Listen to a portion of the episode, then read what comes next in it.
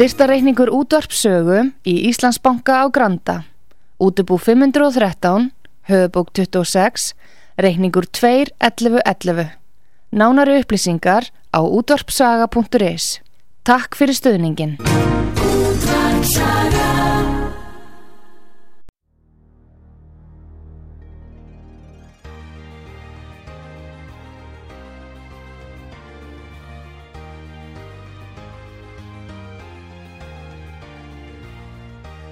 Heimsmálinn í umsjón Pétur Gunnlaugssonar. Fréttir og fréttatengt efni af Erlendum Vettvangi.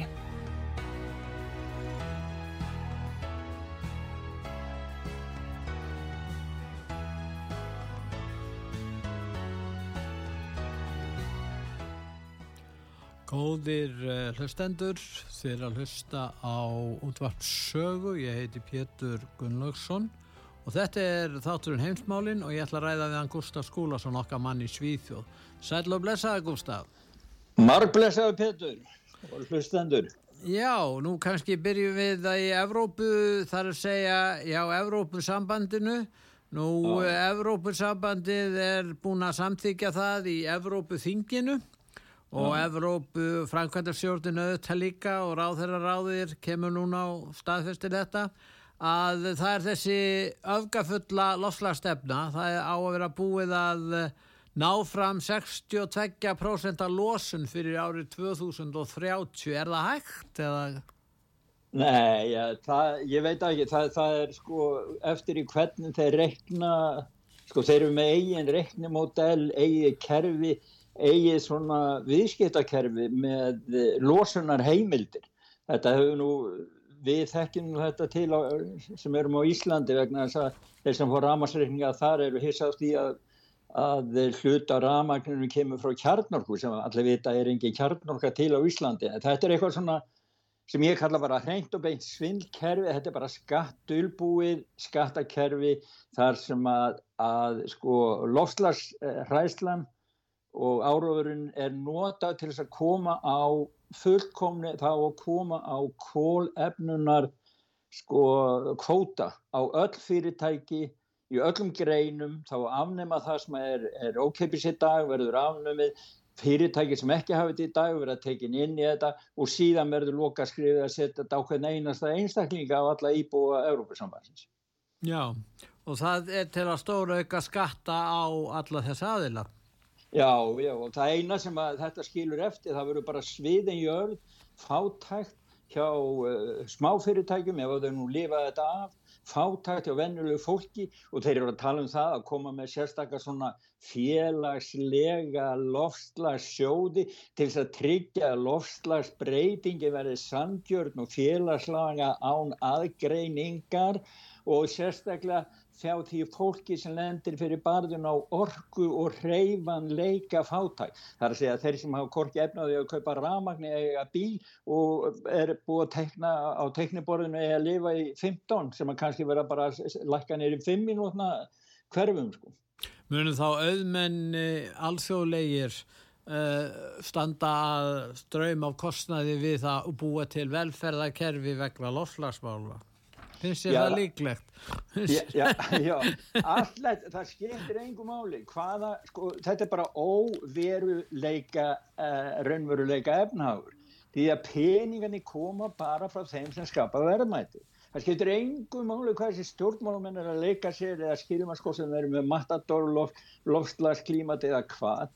Allir skattar sem eru lagðir á fyrirtæki verður nei, neytandina greiða fyrir í hæra vöruverð Þannig að það er bara verið að matta út burtu afmá smán saman heilbriðan efnarslegan grundull, viðskiptagrundull fyrir samfélagum okkar. Það er verið að koma á sósialískum efnahag, planefnahag, það sem ein miðstjórn helst að það er kommunistaflokkur eins og í Kína ákveðu bara hvernig þetta eigi allt saman að vera fyrir hvern einasta mann. En það verður verða fyrst og, fyrst og fremst millistjættin og lítil og meðalstór fyrirtæki sem fara vest út úr þessu vegna þeim verður hreinlega bara útrýmt. Það er lems Ísland er, er þannig samfélag, millistjætti, þetta er fólk sem vil leggja á sig í mislegt og, og vera sæmilag sjálfstætt og, og er ekki með eh, hérna njótt ekki góðs að fá keppni eða einógun eða neina, eða forréttinda en þetta fólk þegar að það er farið þá er engin anstað lengur gegn eh, þessari fámennu klíku sem allar að stjórna heimun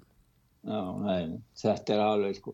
Og þeir eru, þetta bara fellur inn í stóra dæmið með ánám uh, orkunar, þeir eru eins og núna í Þísklandi og voru þeir að loka núna fyrir vikur síðan síðust, síðustu þremur uh, kjarnorkuverum. kjarnorkuverum, já. Já, já, og Þískland er í dag skítugasta landið í Já, nú er þeir að fara í kólinn aftur hann. Já, það Ha. er bara kól, ég meina, þannig að sko, sko þeir segja að þar til kreppan er yfir staðinn og umskipt yfir í endur nýja legar orkutegundur eru virkar, þá verðum við að nota hverskins orku fram til loka áratögursins til þess að afsaka það að þeir eru búin að opna gamla, gamlar kólaversmiður frá Hitler tíman. Já, Ég men, einmitt. þetta, þetta er bara, sko, þetta, það, það er bara verið að sigla efnahagslífi Vesturlanda í strand. Þannig að þetta verða bara- fátak ríki sem nota kól. Það verður svolítið... það, Já, það verður- verður það. Og, og, og svo er nú annað sem er að koma upp líka í sambandi við þetta. Það er, það er sko vindmilunar. Og það er eitt sem að við hlustum á hljóputa eftir með einum hérna uh, kroatískum tingmanni. En, en, en sko þeir, sko vindmilunar, þær, þær eru með svo lélegur arði. Það er ekki hægt að, þetta er grein sem getur ekki borið sig. Það er hérna í Svíþjóð, þá er sveitafélag eftir sveitafélag, þurfti að taka yfir og bara loka, loka vindmilunum. Því þetta hafi verið bara mis, misráðum fjárfesting og, og skattgreindur Svíþjóð að tappa hundruðum sko miljóna, ef ekki miljörð á, Mm. á þessu ævintýri. Og, og e, það var vital í Svepp TV við einn, einn e, sænskan e, kjarnorku eðlisfræðing og hann var að tala um það sko, þegar það verið voru að ræða um það okkur maturum væri svona dýr, dýr. Og þá er, hvað, er, hvað notum við til að búa til mat, til dæmis er rafmagni einna stór þáttum sem notaði mat. Allir vita, þegar verið að baka brauð og annað, það er að nota rafmagni þetta, sjóða og steikja og allt. En, en eh, sko vindorkan sem að það er loka á kjarnorkuverum og kveikt opnuð vindorkuver. Þetta er sko við um eftir að sjá gjaldtrót í stórum stíli þessari starfskrein og hann sagði þá að endanum munu skattgreinendur sitja uppi með stál skóga af vindmjölum út í náttúrunni sem engi vill reka og skattgreinendur munu þurfa að borga fyrir að láta rífa þennan stálskó nýður. Þetta er framtíðasýnin í vindmjölubransanum sem að einhverjir orkumála en það er aðteglisvert með framtíða sinn á Íslandi. Eftir Já. þessa reynslu svíjana þá ætlum við í fyrsta lagi að hafa hér opin landamæri til að hleypa öllum inn eins og svíjandi gerðu og svo ætlum við að fara út í vindmilunar Þetta er sko, ég menna það þetta, þetta er satt. Veistu það? Gustaf Já, já, þetta er að gerast á Íslandi.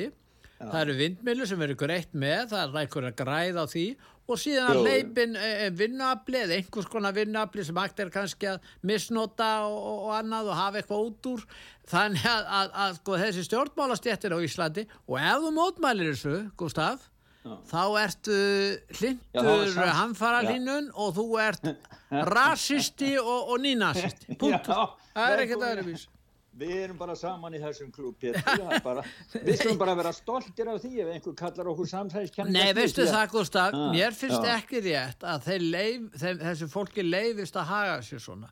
Mér finnst að, sko, það reyndi einhvern veginn á það, það var einhver saklaus maður, kallaður rasisti, og domstólinn leta bara viðgangast hér á Íslandi. Ég man ekki hvort að máli fór hæ- til hæstaréttar, en þetta var alveg fáránleg niðurstaða að hægt væri að kalla einhvern mann ra- og, og, sko, og þá er þeir búin að koma þessi í gegn og, og þessi aðferðafræði að hefja persónlegar árásir á einstaklinga og fjölskyldur, atvinnu, hagsmunni og, og, og, og allt annað heiður manna með því að Já. gera þetta að þetta fyrir neðan allar hellur að þeir skulle hafi komist með þetta og eina svarið við þessu virðist vera að haga sér nákvæmlega eins á þá að fara að kalla þá einhverjum nöfnum hvað segir um það? Er það eina leið? Já, ég veit ekki, það var eitt sem sagði það, það væri bara, bara heilt skipafarmur af fýblum sem að væri komin í bílstörasæti hjá flestum vestrænum ríkjum. Já. Ég veit ekki hvort að það, hvort að það er álíka satt. En er það ekki lýsing á staðrein? Það er ekki personinni. Já, ef maður tekur efnarsreikningana og aflegginganar af þeirri stjórnmálastefnu sem að rekin er í dag, mm. sem kemur eiginlega bara öll frá, frá, frá, frá e, e, einum, einum hot, einu hotni á, á jörðinni, Já. að þá er það það réttlætanlegt að það er bara verið að keira Vesturland í Ístrand. Við getum tekið til dæmis núna þess að brjálaðislegu gæðveikis ákvörun Európusambansins að banna bens, framislu bensin og dísibíla frá 2035. Já. Sko, það er engin sjans í öllum heiminum að það verður hægt að, að mæta með rafbílaframlislu þörfina sem skapast á bílum þegar fólki verið bannað að kæra gamlu bíluna sína. Oh. En spurning nummer eitt er hverjir græða á rafbílunum? Það var nýlega stór síning núna í Kína þar sem að kýmverður komið langt fram úr öllum öðrum ríkum á, á, á framlegustu rafbíla og byttu nú hægur. Mm. Það, það þarf til að framlegan rafbíla þarf að nota lithíum Mm. Hver stjórnar 95% framlegslu að heimsframlegslu á lítjum? Þetta er 100 miljón dólar að spurningin. Kína, þeir, þeir stjórnar þessu öllu saman. Peningarnir fer að þanga og, og þetta sem við höfum verið að ræða svo mikið um, ég meina maður er að sjá núna svona gamla mótirata sem að eins og kalla Bill, hann hann er bara, hann var bara setja að hengja hann sem eina stjórnin og kýmerska fána. Því hann er bara ofinberðilega núna farin að tala um það að bara stefna kýnes og eina rétt að vara að tæfa hann bara lesu upp stefniska og kýmerska komast þetta er, ma þetta er maður sem þóttist að vera að berjast fyrir frálsum viðskiptum hérna áður fyrr. Ég menna Seimón hann hefur nú alltaf verið sko stjórnmólamadur sem að margir hafa vantrist af réttbætum ástæðum. Ég, var, ég man að sjálfstæðisflokkur var einn svona upphefið þannig mann en það mátti náttúrulega búast við því af sjálfstæðisflokkum eins og hann er komið skilur. Þú ert hóværi í þínum orðum Gaggar kalabinn Já, ég held það sko.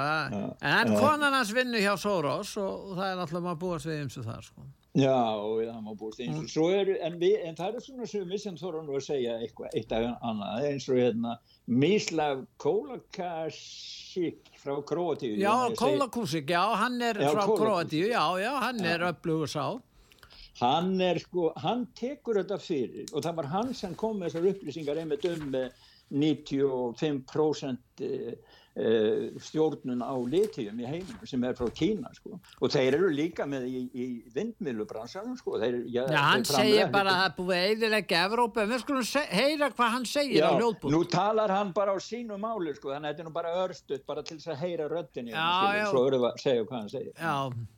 Proizvodi se danas u Kini Kada, nakon Rusije, sada uvedemo i Kini no. sankcije. Dakle, obustavit ćemo potpuno proizvodnju automobila u Evropskoj uniji. To je ono allavega, da potpuno þá er það pöttumaturinn næst og, og nú er Já, nei, nei, þetta var hann sko, þetta var Mísla Kólusjóki, þetta er hann, hann var að tala á, á Evropaþingun en hann ah. talaði bara á króti, sko, skilur, við skiljum ekki það sem hann segir, skilur. Nei.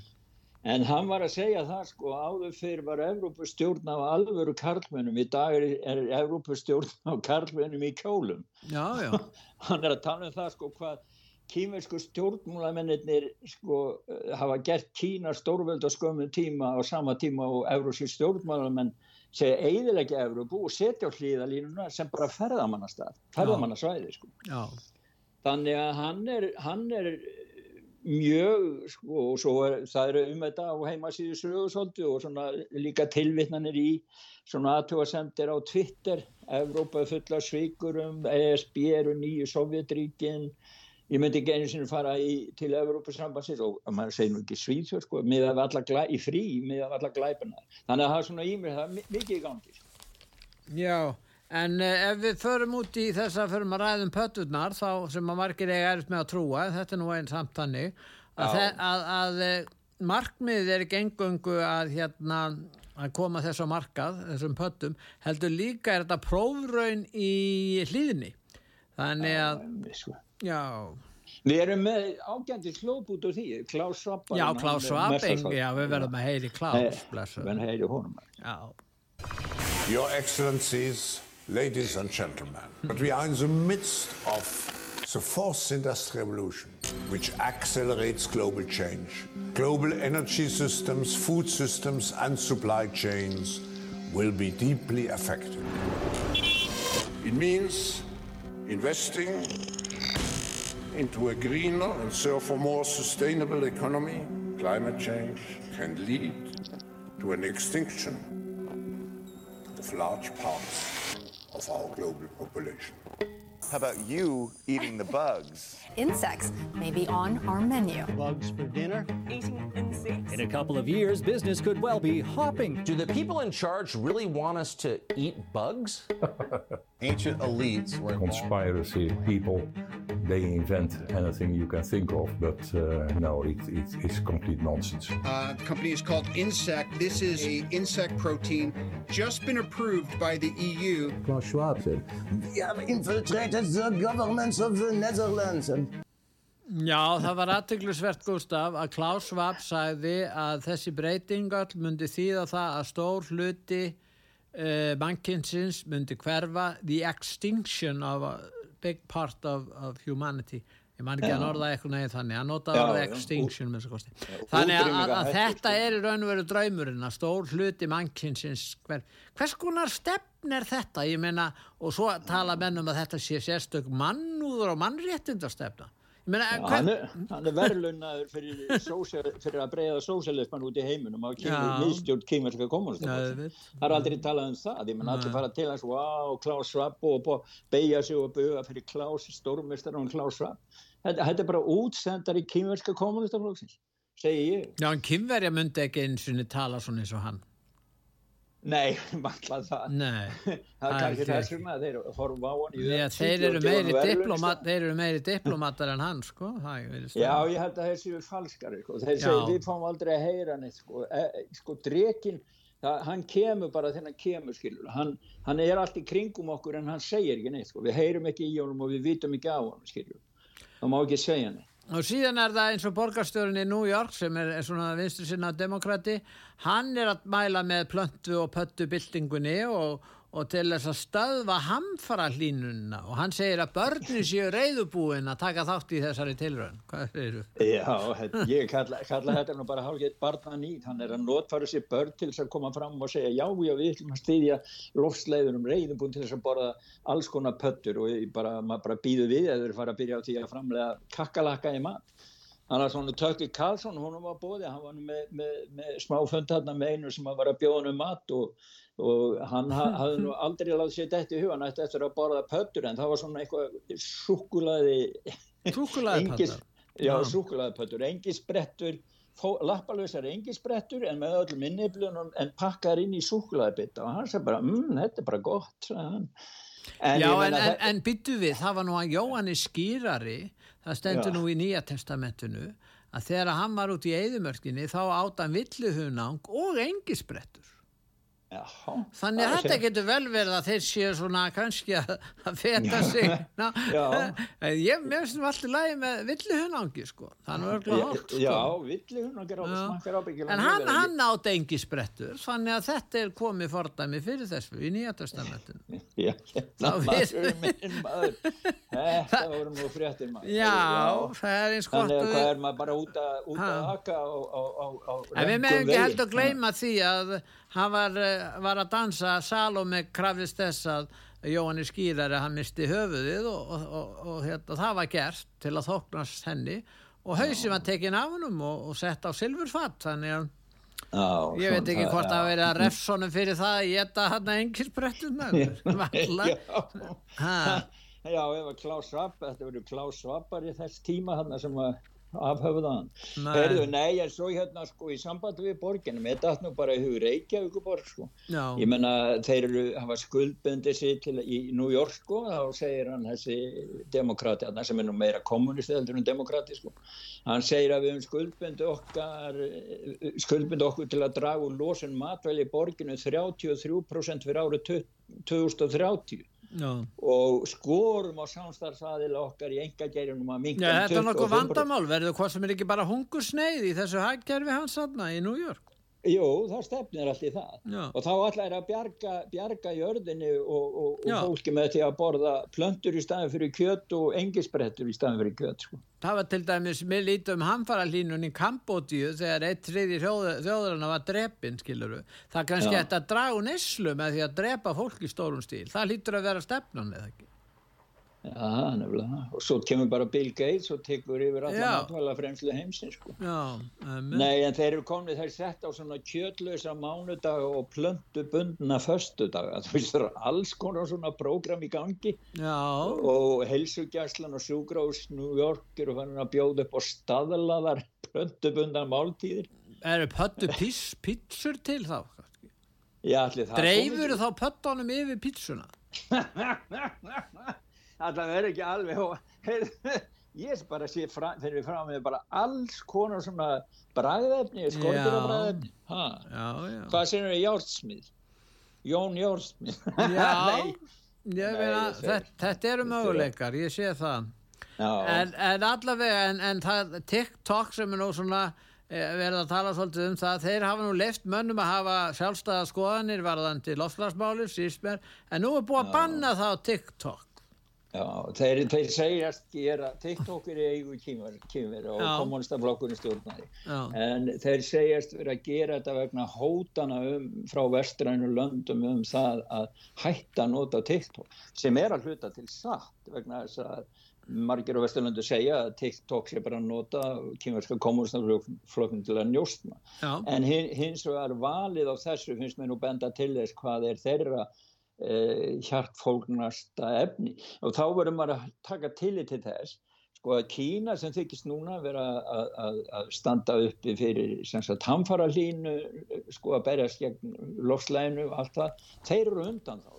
Þeir bara byggja kóla þeir eru ekki neitt í þessu dæmi. Þeir eru ekki með í Parísar samkómulæðinu eða neitt skilur Nei. þannig að þetta er sko þetta er allt upp og niður. Við verðum sko, þetta er orðið svo mikill múralígun sem við horfum á dagstaglega að við þurfum, sko það dög ekki lengur nefn venjuleg gleruðu til að sjá í gegnum þetta allt saman. Sko.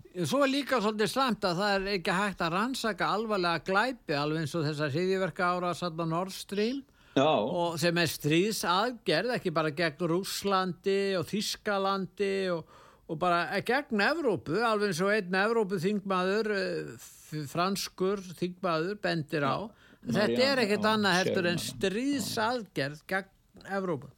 Já, þú varst nú auðlis eftir í einu samtali okkar um það, að, þú setti fram spurningunum hvernig stendur á því að það krefst engin, en það er engin rannsóknar í, innan Európa-sambandi.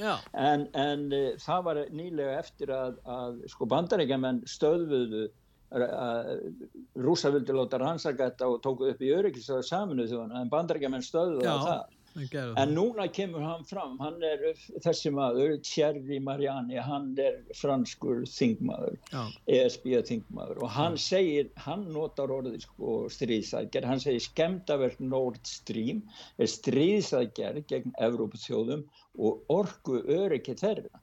Og það er bara lífsmittandi verið að, að þakka málinn niður og hann segir það að sumir viðist vera sumir innan Európa-sambandin séu mjög rætti við það sem getur komið í ljós.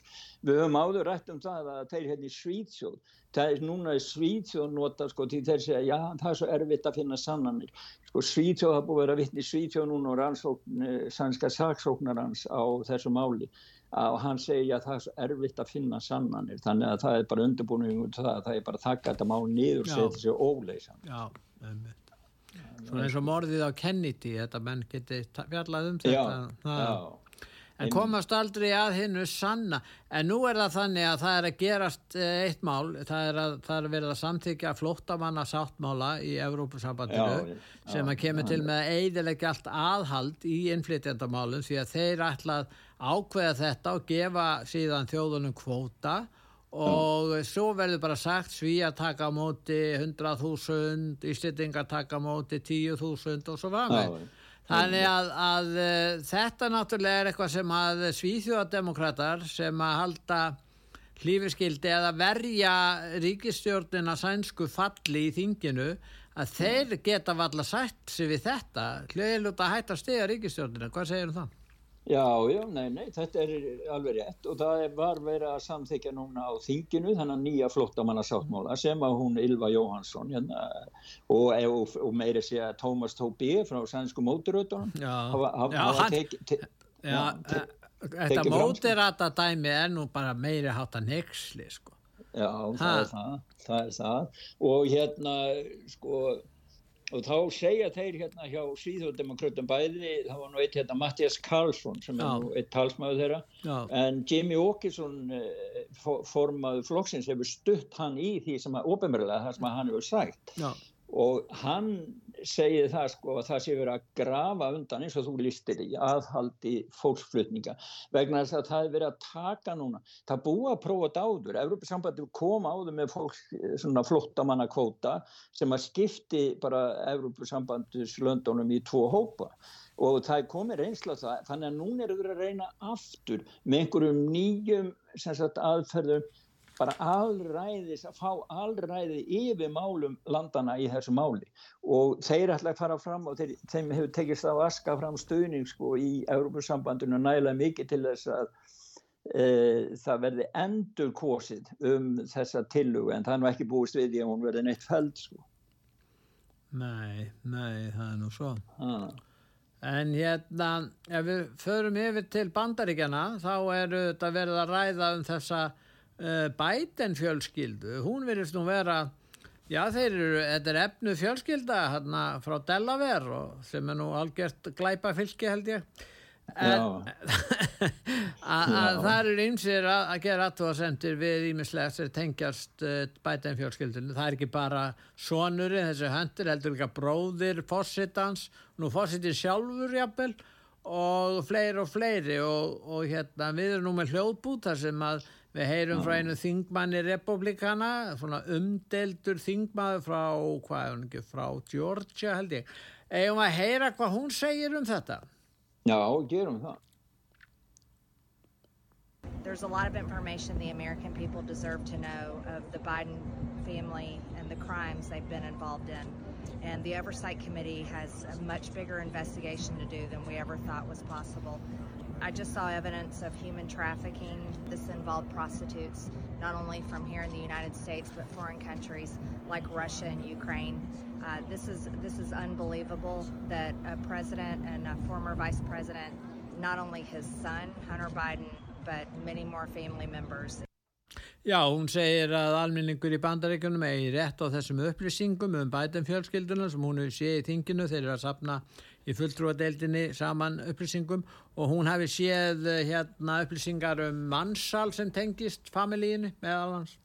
Já, þetta er, sko, þetta eru skuggalegar ásakanir og þessar ásakanir ásand öðrum sem er að koma fram núna, það var að koma fram og er að koma fram uppljóstrari frá sænsku skattstofunni, nei, hérna bandarísku skattstofunni og, hérna, og sem er alveg hríkalegt en Mary Taylor Taylor Greene Já. þessi kona sem við heyrðum í hún, hún hérna var að vinna í sagt, fjár, fjárlögum í þinginu og þá sá hún sæðist að séð yfir hvað 2000 uh, síður mann ekki alveg hvað voru svak, já 2000 blasir af undarlegum upplýsingum í grundvallar atriðum varandi fyrirtæki kringum Joe Biden og það var bara, sko þetta, hún kallar þetta bara, segir þetta þessi steipa á lífum, það er svo mikið að skellja fyrirtækjum og peningar þessi streyma frá útlandum í gegnum frá Kína, Úkræn og mun fleiri löndum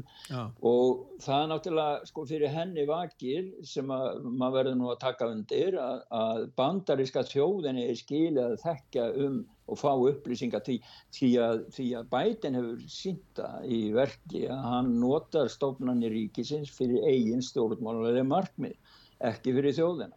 Þeim sem við hefum séð og rætt mörgursinnum í sambandi við Donald Trump, Republic Klan og stjórnmála anstæðingans en, en, en, en þetta um það að það sé ekki bara peninga frá Kín og annað heldur að það sé bara heil vandis hringur og mannsal, hún notar orðið mannsal þetta er náttúrulega gríðarlega Já, já, já sjómanntrafikking sko. þetta er gríðarlega alvarlegt sko, og svo bara veffalsfyrirtækja og þetta er bara háþróa spillingavefum eh, sem veriðst vera hafa verið stundar peningaþótt og við erum með hérna annan hljóðbútt Já, um, um skattamálinn Já, um skattamálinn og þannig er það uppljóstrari sem að vill ekki segja hver hann sé en lögmaður hans heiti Mark hann er lögmaður hann er starfs, lögmaður þessar starfsmanns og svo er Já. það uh, líka þinkonan Nancy uh, Face sem er þinkona og hún er einnig að fjalla um þessi mál. Við skulum heyra hvað þau hafa að segja, Nancy Face og þessi lögmaður uppljóstrarans. My client wants to come forward. He's not a political person. He's not a social media person.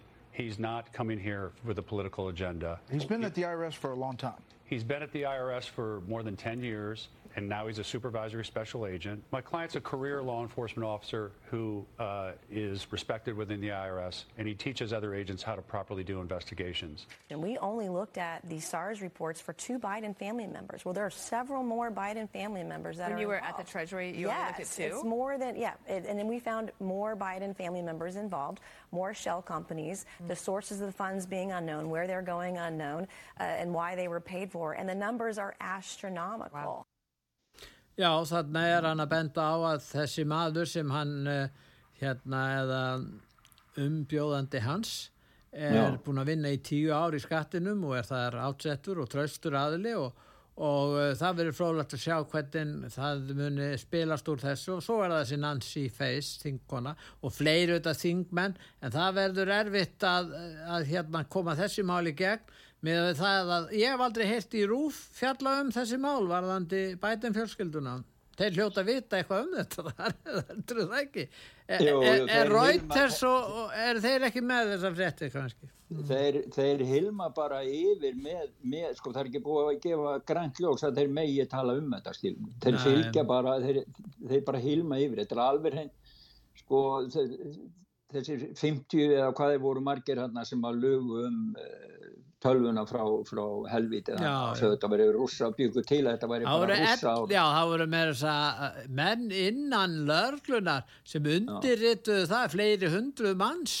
já. rétt fyrir kostningar til þess að hafa áhrif á, á niðurstöðu kostningar Já, og núna fyrst tveimur árum síðar er að koma, byrja að koma fram fyrstu viðkenningar af því að sko, það, það verður alltaf erfiðar og erfiðar fyrir þá að sitja á þessari púðu tönnu Og, og ef að núna, sko núna eru republikanandi sem sagt komnið þarna með meiri hlutan í fulltrúadeildin og þá, sko þá byrja þeirra rannsaka og þá fer að spyrja þessan út eins og við erum að heyra núna Já. og þá fara kannski fleiri ofinverð starfsmenn að þóra að segja frá því að þeir finna að þeir hafi kannski möguleika á því að þeir eru ekki, ekki reknur úr vinnunni eða efnagslega líf þeirra verið eidilagt eða já. bara ég veit ekki hvað Já, kannski finna stöðir út í söndi eitthvað Já, já eitthvað svona, keira, keira út í skörð og allavega Já, Þannig að þetta er... Eða kannski fremjaði sjálfsmorð eins og Epstein gerði í. Ha, það, það er aldrei við það. Það var kona frá J.P. Morgan sem heimsóttan oft í fangelsi. Já. Það var... Hún var alltaf að heimsækja hann. Hún kom einu sinna að dyrónum að nei, hann er dauður, hann draf sig, nú, ha. Og hann sem ætlaði að leggja pening í góðgerðaverk, þessi indislegi maður, sagði hún, já, J.P. Morgan, flott. Já, sko, þessar spillingamál þannig í bandaríkjum. Bandaríkjum, sko, þeir eru að verða bara alveg hrikalegi, sko. Já, sko, þetta er þessi bankar og e, þessi fyrirtæki, Sko, þetta eru bara, ég veit ekki hvað getur gerst í bandaríkjum til að breyta þessu. Afsíðuninn hjá stórum hluta þjóðarinnar eða yfirvaldinu þarna. Yfir, já, elitun og deep state. Sko. Deep state, sko, djúbrík. Já, sko. þetta er hræðilegt. En, þetta er eh, kerfisfólki, þetta er akademian sem er sett sína sá. Fjölmela fólkið, bankafólkið. Já, og það er nú greinum þetta akkurat um tengslinna millir Epstein og J.P. Morgan því að það er að koma fram núna að það búið að kæra, er að kæra J.P. Morgan Já, eh, það er frá, er frá bandarísku jónfrúaregjum held ég, það er komin að kærur ég held að sé, sé þeim, ef þú byrð þar og ert ríkisborgari þá ertu amerískur, bandarískur ríkisborgari og hefur rétt til þess að kæra þá vantarlega að þú hefur allavega þú hefur lögvarða hagsmuna því að að, að samfélagi sé ekki kjörspilt.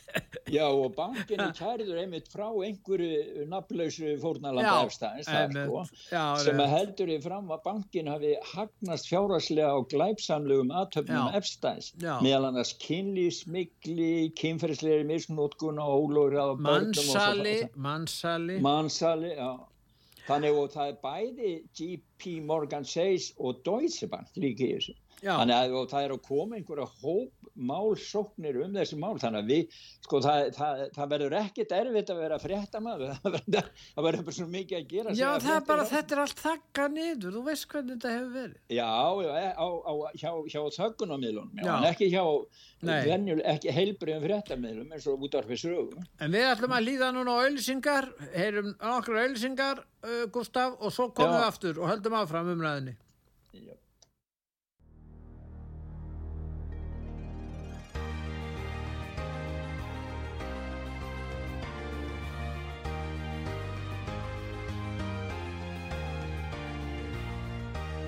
Heimsmálinn í umsjón Pétur Gunnlaugssonar.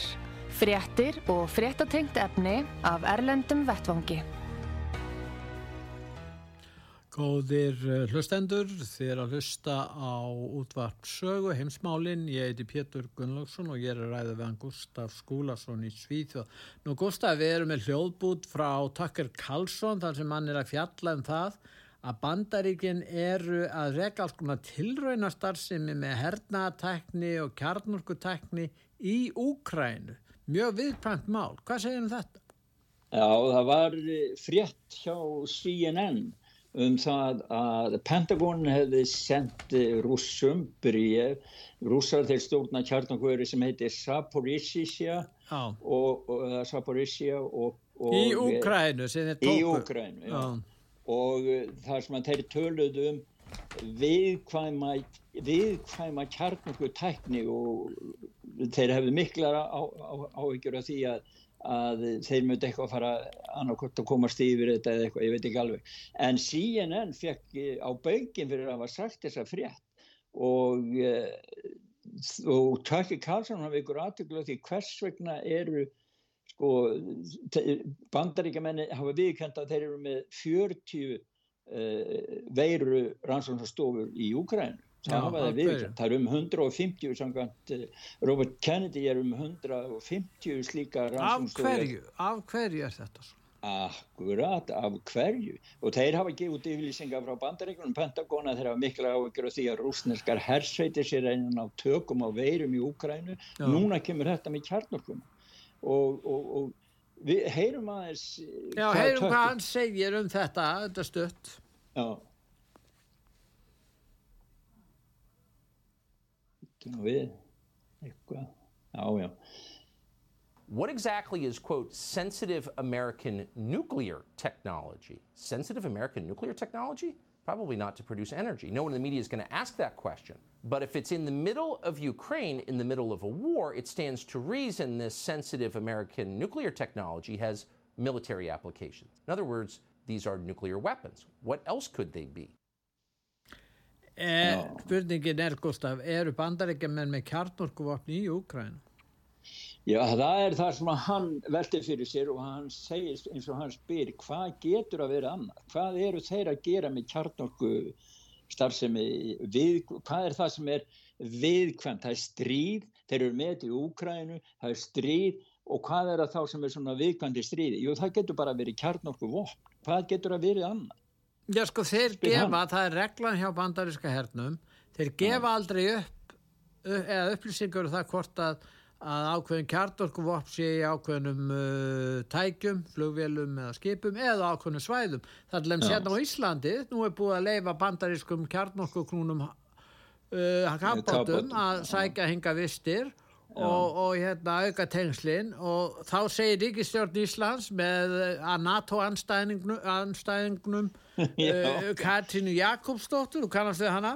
Já, hún já. segir að það sé búið að tryggja það að sé ekki kjarnorku vopn í, í kafbútunum, hún fær ekkert að vita það Þetta er einhverjum bandarískum hersöðingi að leita, láta hana fá vittnesku um slikt eða þá íslenska öttaríkisráðarann.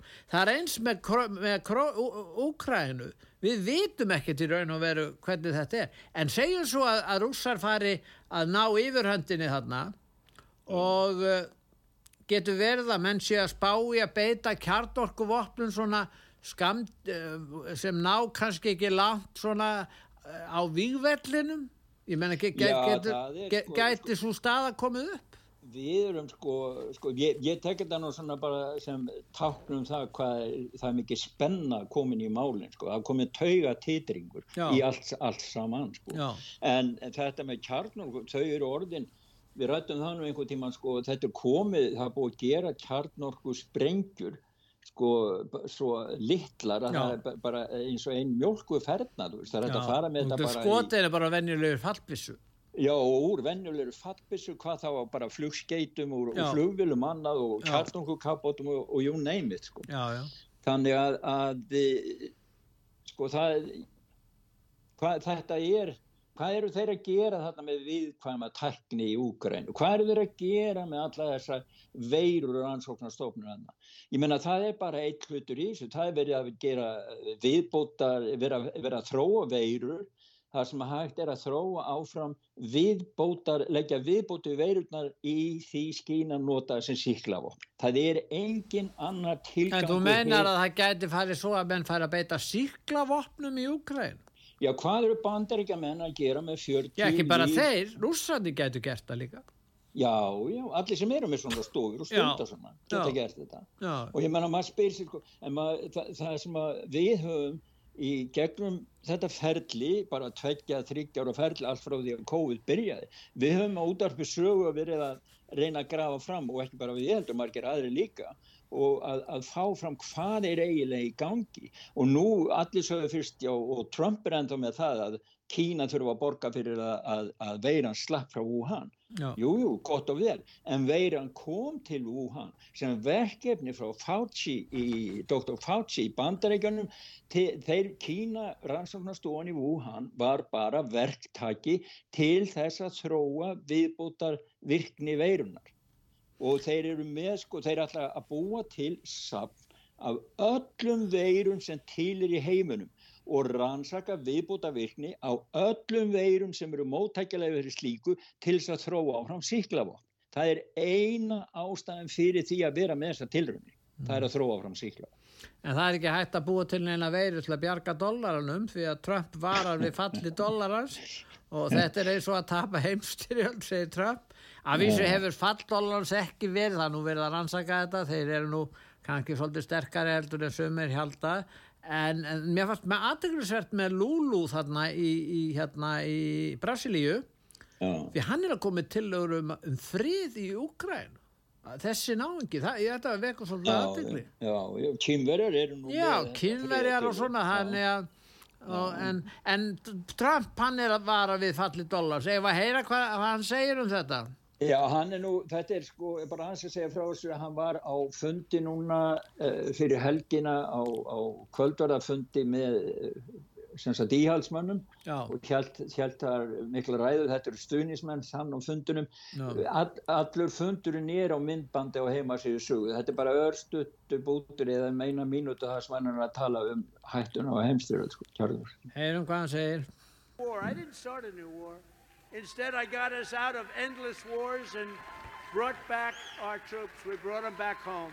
Remember during the debates, they said, he's got a personality. He's going to get us into World War III. No, my personality got us out of all these crazy wars. Joe Biden's record is the exact opposite with soaring inflation, failing banks, open borders, rampant crime, deadly drugs, blatant corruption.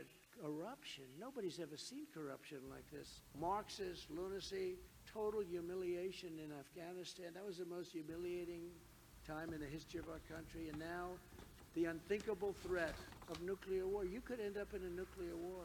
I don't want to be right about this, but I'll tell you what, we're very close. If you watch the rhetoric, if you watch the rhetoric of this president of ours, uh, he doesn't know what the hell he's talking about. You know, sometimes you have to talk tough, and sometimes you have to talk soft, and he's got it mixed up. He talks tough when you're supposed to talk soft, and he talks soft when you're supposed to talk tough. And he's all gaga. Then he walks off the stage. But he's supposed to, but he's supposed to walk that way. Go around. What?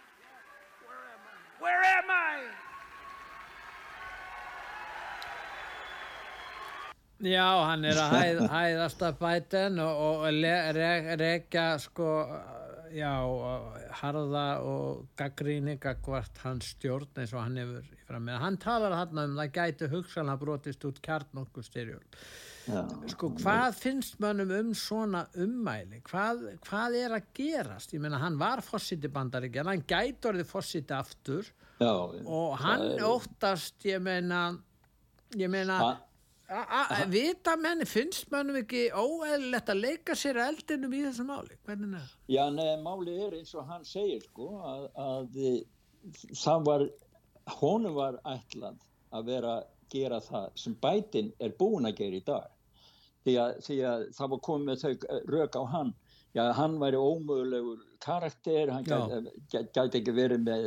Það verið hættulegur að vera með, með, með hérna kjarnorku Já, kótana já, já. og svörtu törskuna en, en eins og hann segir hann segir bara sannleikan ég startaði engu stríði. Nei. ég kom okkur út úr stríðum. En hann er að starta þriðu heimstyrðum það er það, það, það sem er báskapurinn í hon en hann kemur með það, sko, hann segir það en hann segir það bara að það sé orðið miklu miklu erfiðar ástand í heiminum í dag til þess að, að hindra þetta. En hann, hann telji það að hann geti gert það ef hann komist inn í kvítahús eða verður gætt farið býr oft áður sko.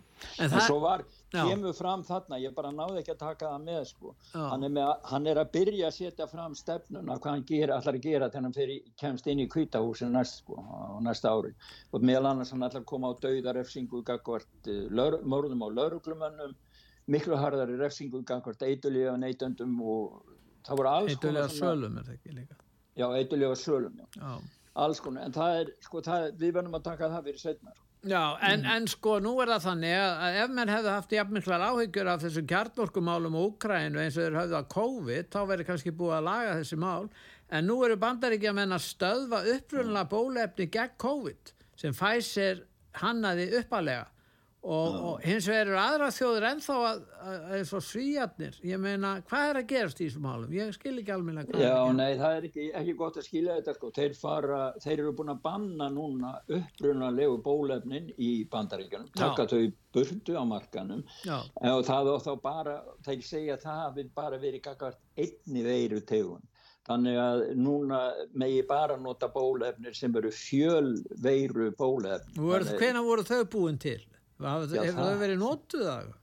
Já, er það ekki hérna, þetta sem hefur komið síðast Bústerinn eða viðbóta Já, bústerinn, já, við ómikrón einhverjum varianti. Það alltaf að finna upp nýja og nýja variant og nýja og nýja búster. Sko, he, allt þetta prógram með bólefnin það er bara kópið af Windows hjá, hjá Bill Gates sko. þeir eru bara að setja á markaðin eitthvað. Þeir líta á uh, genin í líf, lífræn gen sem bara tölvu númer. Þeir líti ekki, sko manneskjan sjálf við sjálf, einstaklingar með sál, tilfinningu, hugsun og annað. Við erum ekki til, Nei. þetta er allt farið. Við erum, við erum bara einhver velmenni sem á að veist, klippa inn gen hér og gen það eða eins og Klaus Schwab sæði extinction of the human part of the human race sko. það er þetta sem mann er að tala um. Eyðingu, hann bara horfir á tölvuna og Já, hvað Já. eru margir hér, hvað þarf að fækka mörgum hér, er ekki allt og margir hérna á þessu svæði, hvað með Nígeríu, þurfum við ekki að losa sig, ég meina, hva, hvað er þetta honum í höfun aðeins? Þeir fara bara onni í einhverju svona kjarnokku held, held herbergi einhvers þar, 300 kilometrar í jörðin eða hvað það nú er, og, og setja svo bara þar við tölvunar og leika sér. Já, er í tölvuleikum, hvað lifa margir þarna? Já. En einhverjir, einhverjir af elitun er nú greinlega mjög hrætti við þetta því að nú eru margt ríkt fólk í bandaríkanum. Það var einn að segja frá því hérna, eh, fyrirverðandi herflumadur hérna í sannska hernum, í viðtala á Svepp TV, Úlf Gabrielsson heitir hann, Já. hann segir það í bandaríkum þá er aukin eftirspurð að fljúa með óbólusettum flugum Já Þannig að óbólusettu flugmenn hefur stopnað í félag sem heitir US Freedom Flyers, það er að segja flugmenn frelsisins, eða frelsisflugmenn. Og þar er leita, leita ríka fólki til þeirra til þess að kaupa og, og, og, og láta á fljúa vílum sem þið geta að fara á. Því það er alltaf að koma upp núna, farþegarflugvelar hafa þurft að lenda, ekki komast á leiðan þetta vegna þess að flugumarum fyrir kjarta áfall Já. og svo framvegis. Það, það er mikið um þetta og þú að þessi ekki tala um það. Sko. En það er, þeir vilja að eh, þeir sem eru spröytaðir flugmenn verði með EKG hjartalínurittstæki með sér. Svo hægt sé að fylgjast með. Þetta er þetta síðan. Ég veit það ekki. Og svo, svo er allt í lægi með þessu bólefn. Engin auka árum.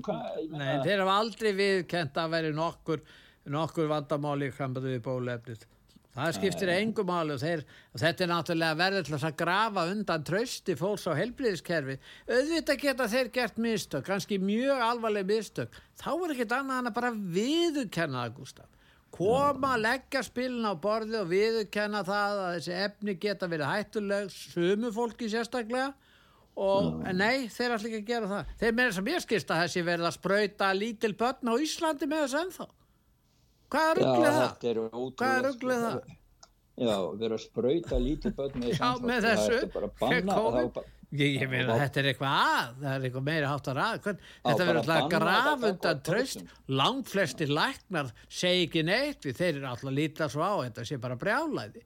Ég veit ekki hverju stjórna þessu. Hmm. Já, nei, það, ég bara lifir þessu, sko. Það er bara þegar ég ekki gegnum þessa nýju heimskipan, sko. En þarna erum við að tala um helbriðismál, svo þegar við förum út í sakamálinn, það er líka þöggun í gangi. Samanber þetta ljóta mál þarna í, í Tennessee fylki þegar að, að uh, ung manniska, ég vil segja bara hvað, Audrey Hale, drap hann að þrjú börn og sex einstaklinga og þar á þrjú börn og Já. þeir vilji ekki byrta textan sem kom frá þessum aðila. Þeir hefði að segja að það verið hættulegt fyrir fyrir hérna, almenning að lesa nöðta hljóta aðstandendur þessar fólk sem var drepið hafa rétt á því að fá aðgang og reynda bara almenningur, aðganga því hvað Já, gerðist. Já, ég menna það, það, það er sko, þá fær, fær maður upplýsingar um það hvaða er sem hefur verið í höfðin á henni því að þetta, hún skipula þetta greinlega fyrirfram og, og, og hvað það er maður verður náttúrulega að fá upplýsingar ef maður ætlar að vinna með einhver hlut sem er hættulegur. Já. Þeir segja hjá FBI stjartfræðilega hættuleg. Já. Ég meina þetta er bara inn á sama veg. Yfirvöld ákveða hvað við megum fá að vita og lesa og heyra og sjá. Við, sko, það búið að taka af okkur uh, fullorðin að vera fullorðin og hugsa sjálf. En var þetta eitthvað manifesto eða einhvers konar yfirlýsing frá þessu morðingja? Já, það er það sem, að, sem ég hef á tilfinningunni að þetta hafi verið nokkur skona einhvers konar ávarp, ávarp já, svo, á, kannski eitthvað, sko, ef við beinum saman við Breivik í Nóri hann já, skrifaði, sko, hann skrifaði eitthvað, já, hugmynda. Þetta gæti verið við fengum að sjá það. Já, við fengum að sjá það. Þetta gæti, þetta er mér í hug. Þetta er bara eigin tilgáta mín verið svona eitthvað út frá transmálunum, kynmálunum allir saman, oh. eitthvað í sambandi við það og þess vegna er það svo rosalega viðkvæmt sko. Herðu, við verðum til að nýta tíman að fara út í sögulegu falsannar þær er að verða alveg kostulegar. Já, Anna ég... Boylin, hún er hérna orðin, orðin hérna, hvað er hann, hún kemur frá Afríku einhvers staðar Nú Cleopatra sem var nú grísk, hún er líka henni breytt og, og Shakespeare, það er erfitt að fá aðganga honum í háskólum.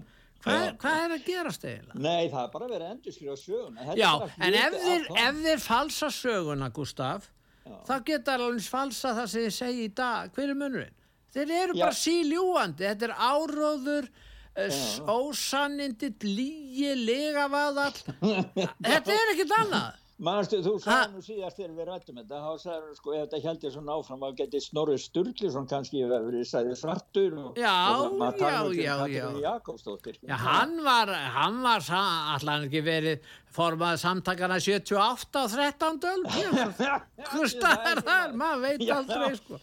Sko ég meina, ég hugsa bara Íslenska réttrúnar akademían með rúfi farabrótti, þeir hafa mm. mikil óvind störfa með hendi, þeir getur gert ofinbæra heimildamind yfir öll aðgengileg klósett fyrir þessi 20 til 100 fræðilegu kyn sem marg kynja menningar samfélag fræðilinga á Ísland er að reyna að skapa. Ój, ój, ój, ój. Nei, en ég meina með hann Annu Bóil, ég meina hún var tekin að lífi, sjáðu til, já, og já. er það vegna þess að hún er fórnalamp um, ykkar konar, hún var nú móðir Elisabethar eh, sem var fræð, en, en, en hún er kona nummið tvö og hún er alltaf fórnalamp. Er það vegna þess að hún er fórnalamp Henriks áttunda að það þarf hún að vera svörst? Já, ég er bara allir, allir Black Lives Matter finnst ekki vera ofáir black líf í kvítusröðum. Já, en sko þegar kvíti fara illa með aðra, þá er þeir aðla að fara illa með minniludópa. Þeir fara ekkert illa með aðra kvíta, sko. Þess vegna eru konundur að sinni sáttunda og svartar og kannski, kannski Asíu konur, ég veit það ekki. Hvað er þetta? Já, nei, ég held bara, skal ég segja að Íslands hafa framtíðar og verið þannig að Íslendingar eru allir ákomandur svartra þræla sem tókst að flýja ógnarvald kvítingjans Harald Hárfæran já, já, já, já. Ég meina, nei, þetta er þetta, hver, hver, hver á að skilja þetta Pétur? hvernig, hvað er það að gera í þessu? ég veit það ekki það, það er, ég held sko ég ætla nú að lefa mér af bjassín ég held að þetta rugglið sem að núna veður uppi að það mun smá saman dopna það að sannleikurinn og sannleikskrafan um, um sannleikan og sannleikskrafa munin og sigra í fyllingu tímans, ég vil nú trúa já, það, það bara, já, en verðum við ekki að hlusta á hana Kleopötru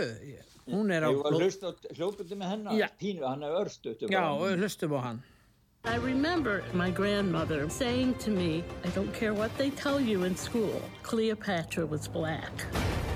She has become an icon. I am a god. Queen of Kings. Her story resonates with every woman. Nú er allt í einu að Kleopatra er heilög sko, hún er heilög svart Þeir eru sko ekki hrifnir af þessu í Egítalandi, það getur alveg sett þér. Að alls Ekki, ekki, Grekla, ekki Greklandi segðu, þeir eru ekki hrifnir af henni það, það þessu, hún var nú en, grísk prinsessa Kleopatra en En hérna, Vi, við erum með smá, smá eða sem sannleikan frá Tökki Kjátt. Já, sjá hvað hann segir um það. Hann er að tala um að sannleikurinn getur verið smittandi, ekki bara lígin. And once you say one true thing and stick with it, all kinds of other true things occur to you. The truth is contagious. Lying is, but the truth is as well. And the second you decide to tell the truth about something, you are filled with this. I don't want to get supernatural on you, but you are filled with this power from somewhere else. Try it. Tell the truth about something. Uh, you feel it every day. The more you tell the truth, the stronger you become. That's completely real. Já, hann er að vara að tala hérna á, í fundabóði hjá hugveitu held ég hafi verið. Já, já. Það sem hann er að tala um þetta svona. Nú það er verið að banna Twitter í ríkisútvarpunni í Svíþjóð. Nú verum við grein eftir Kristi Hrafsson sem fekk ekki að byrstast á Facebook.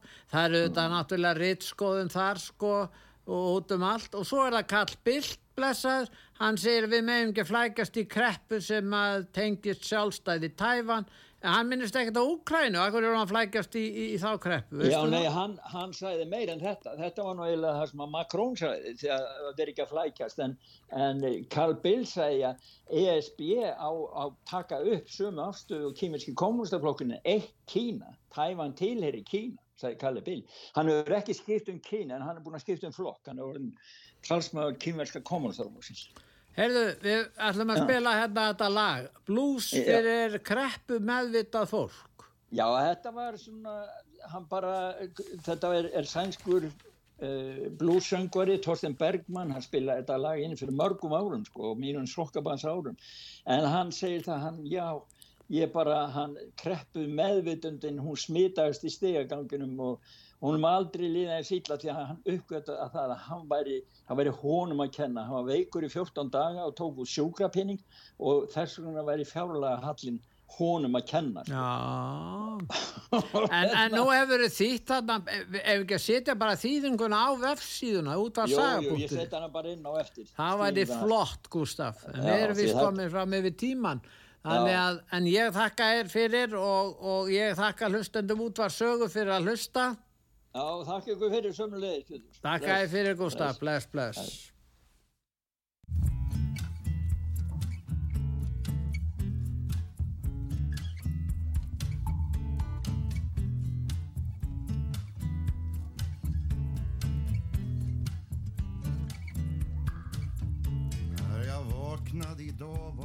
var verkligheten grå. Jag vet inte om jag någonsin tillförne lidit så. Feber, huvudvärk och ångest kunde inte ta mig ut. Det är krismedvetandet, nu har det drabbat mig till slut.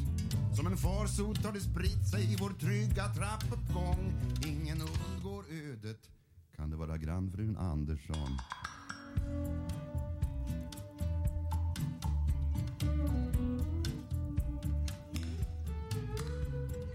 Känner i förkrosselse att jag har syndat svårt. Att jag var ett särintresse. Herre mammon, det känns hårt. Jag har kapat åt mig förmåner. Jag ser det tydligt nu.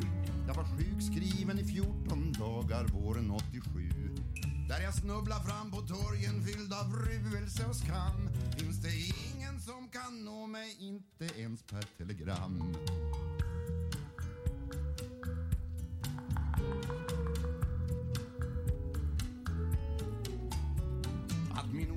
Så avgrundsdjup, förstockad som en sten såg jag aldrig att offentlig sektorn var ett satans sken. Hur min själ marteras, nåd, jag måste få absolution. Kan man söka audiens inför den höga kommission? Herre mammon som en mask i stoftet tillstår jag mitt brott.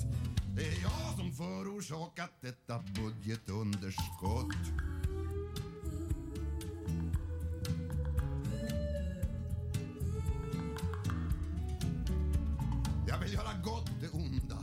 Jag vill sona mina fel.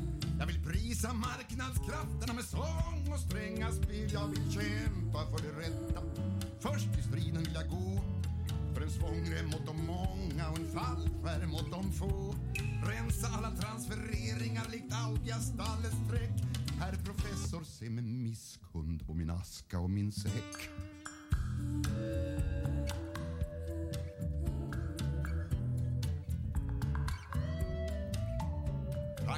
Insikt, heligt ekonomismens episkopat. Inneslut i nåd i ljusets riddarvakt, en fotsoldat.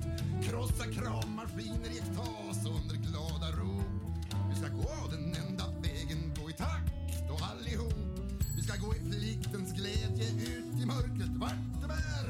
Vi ska alla gå tillsammans, flagellanter samlens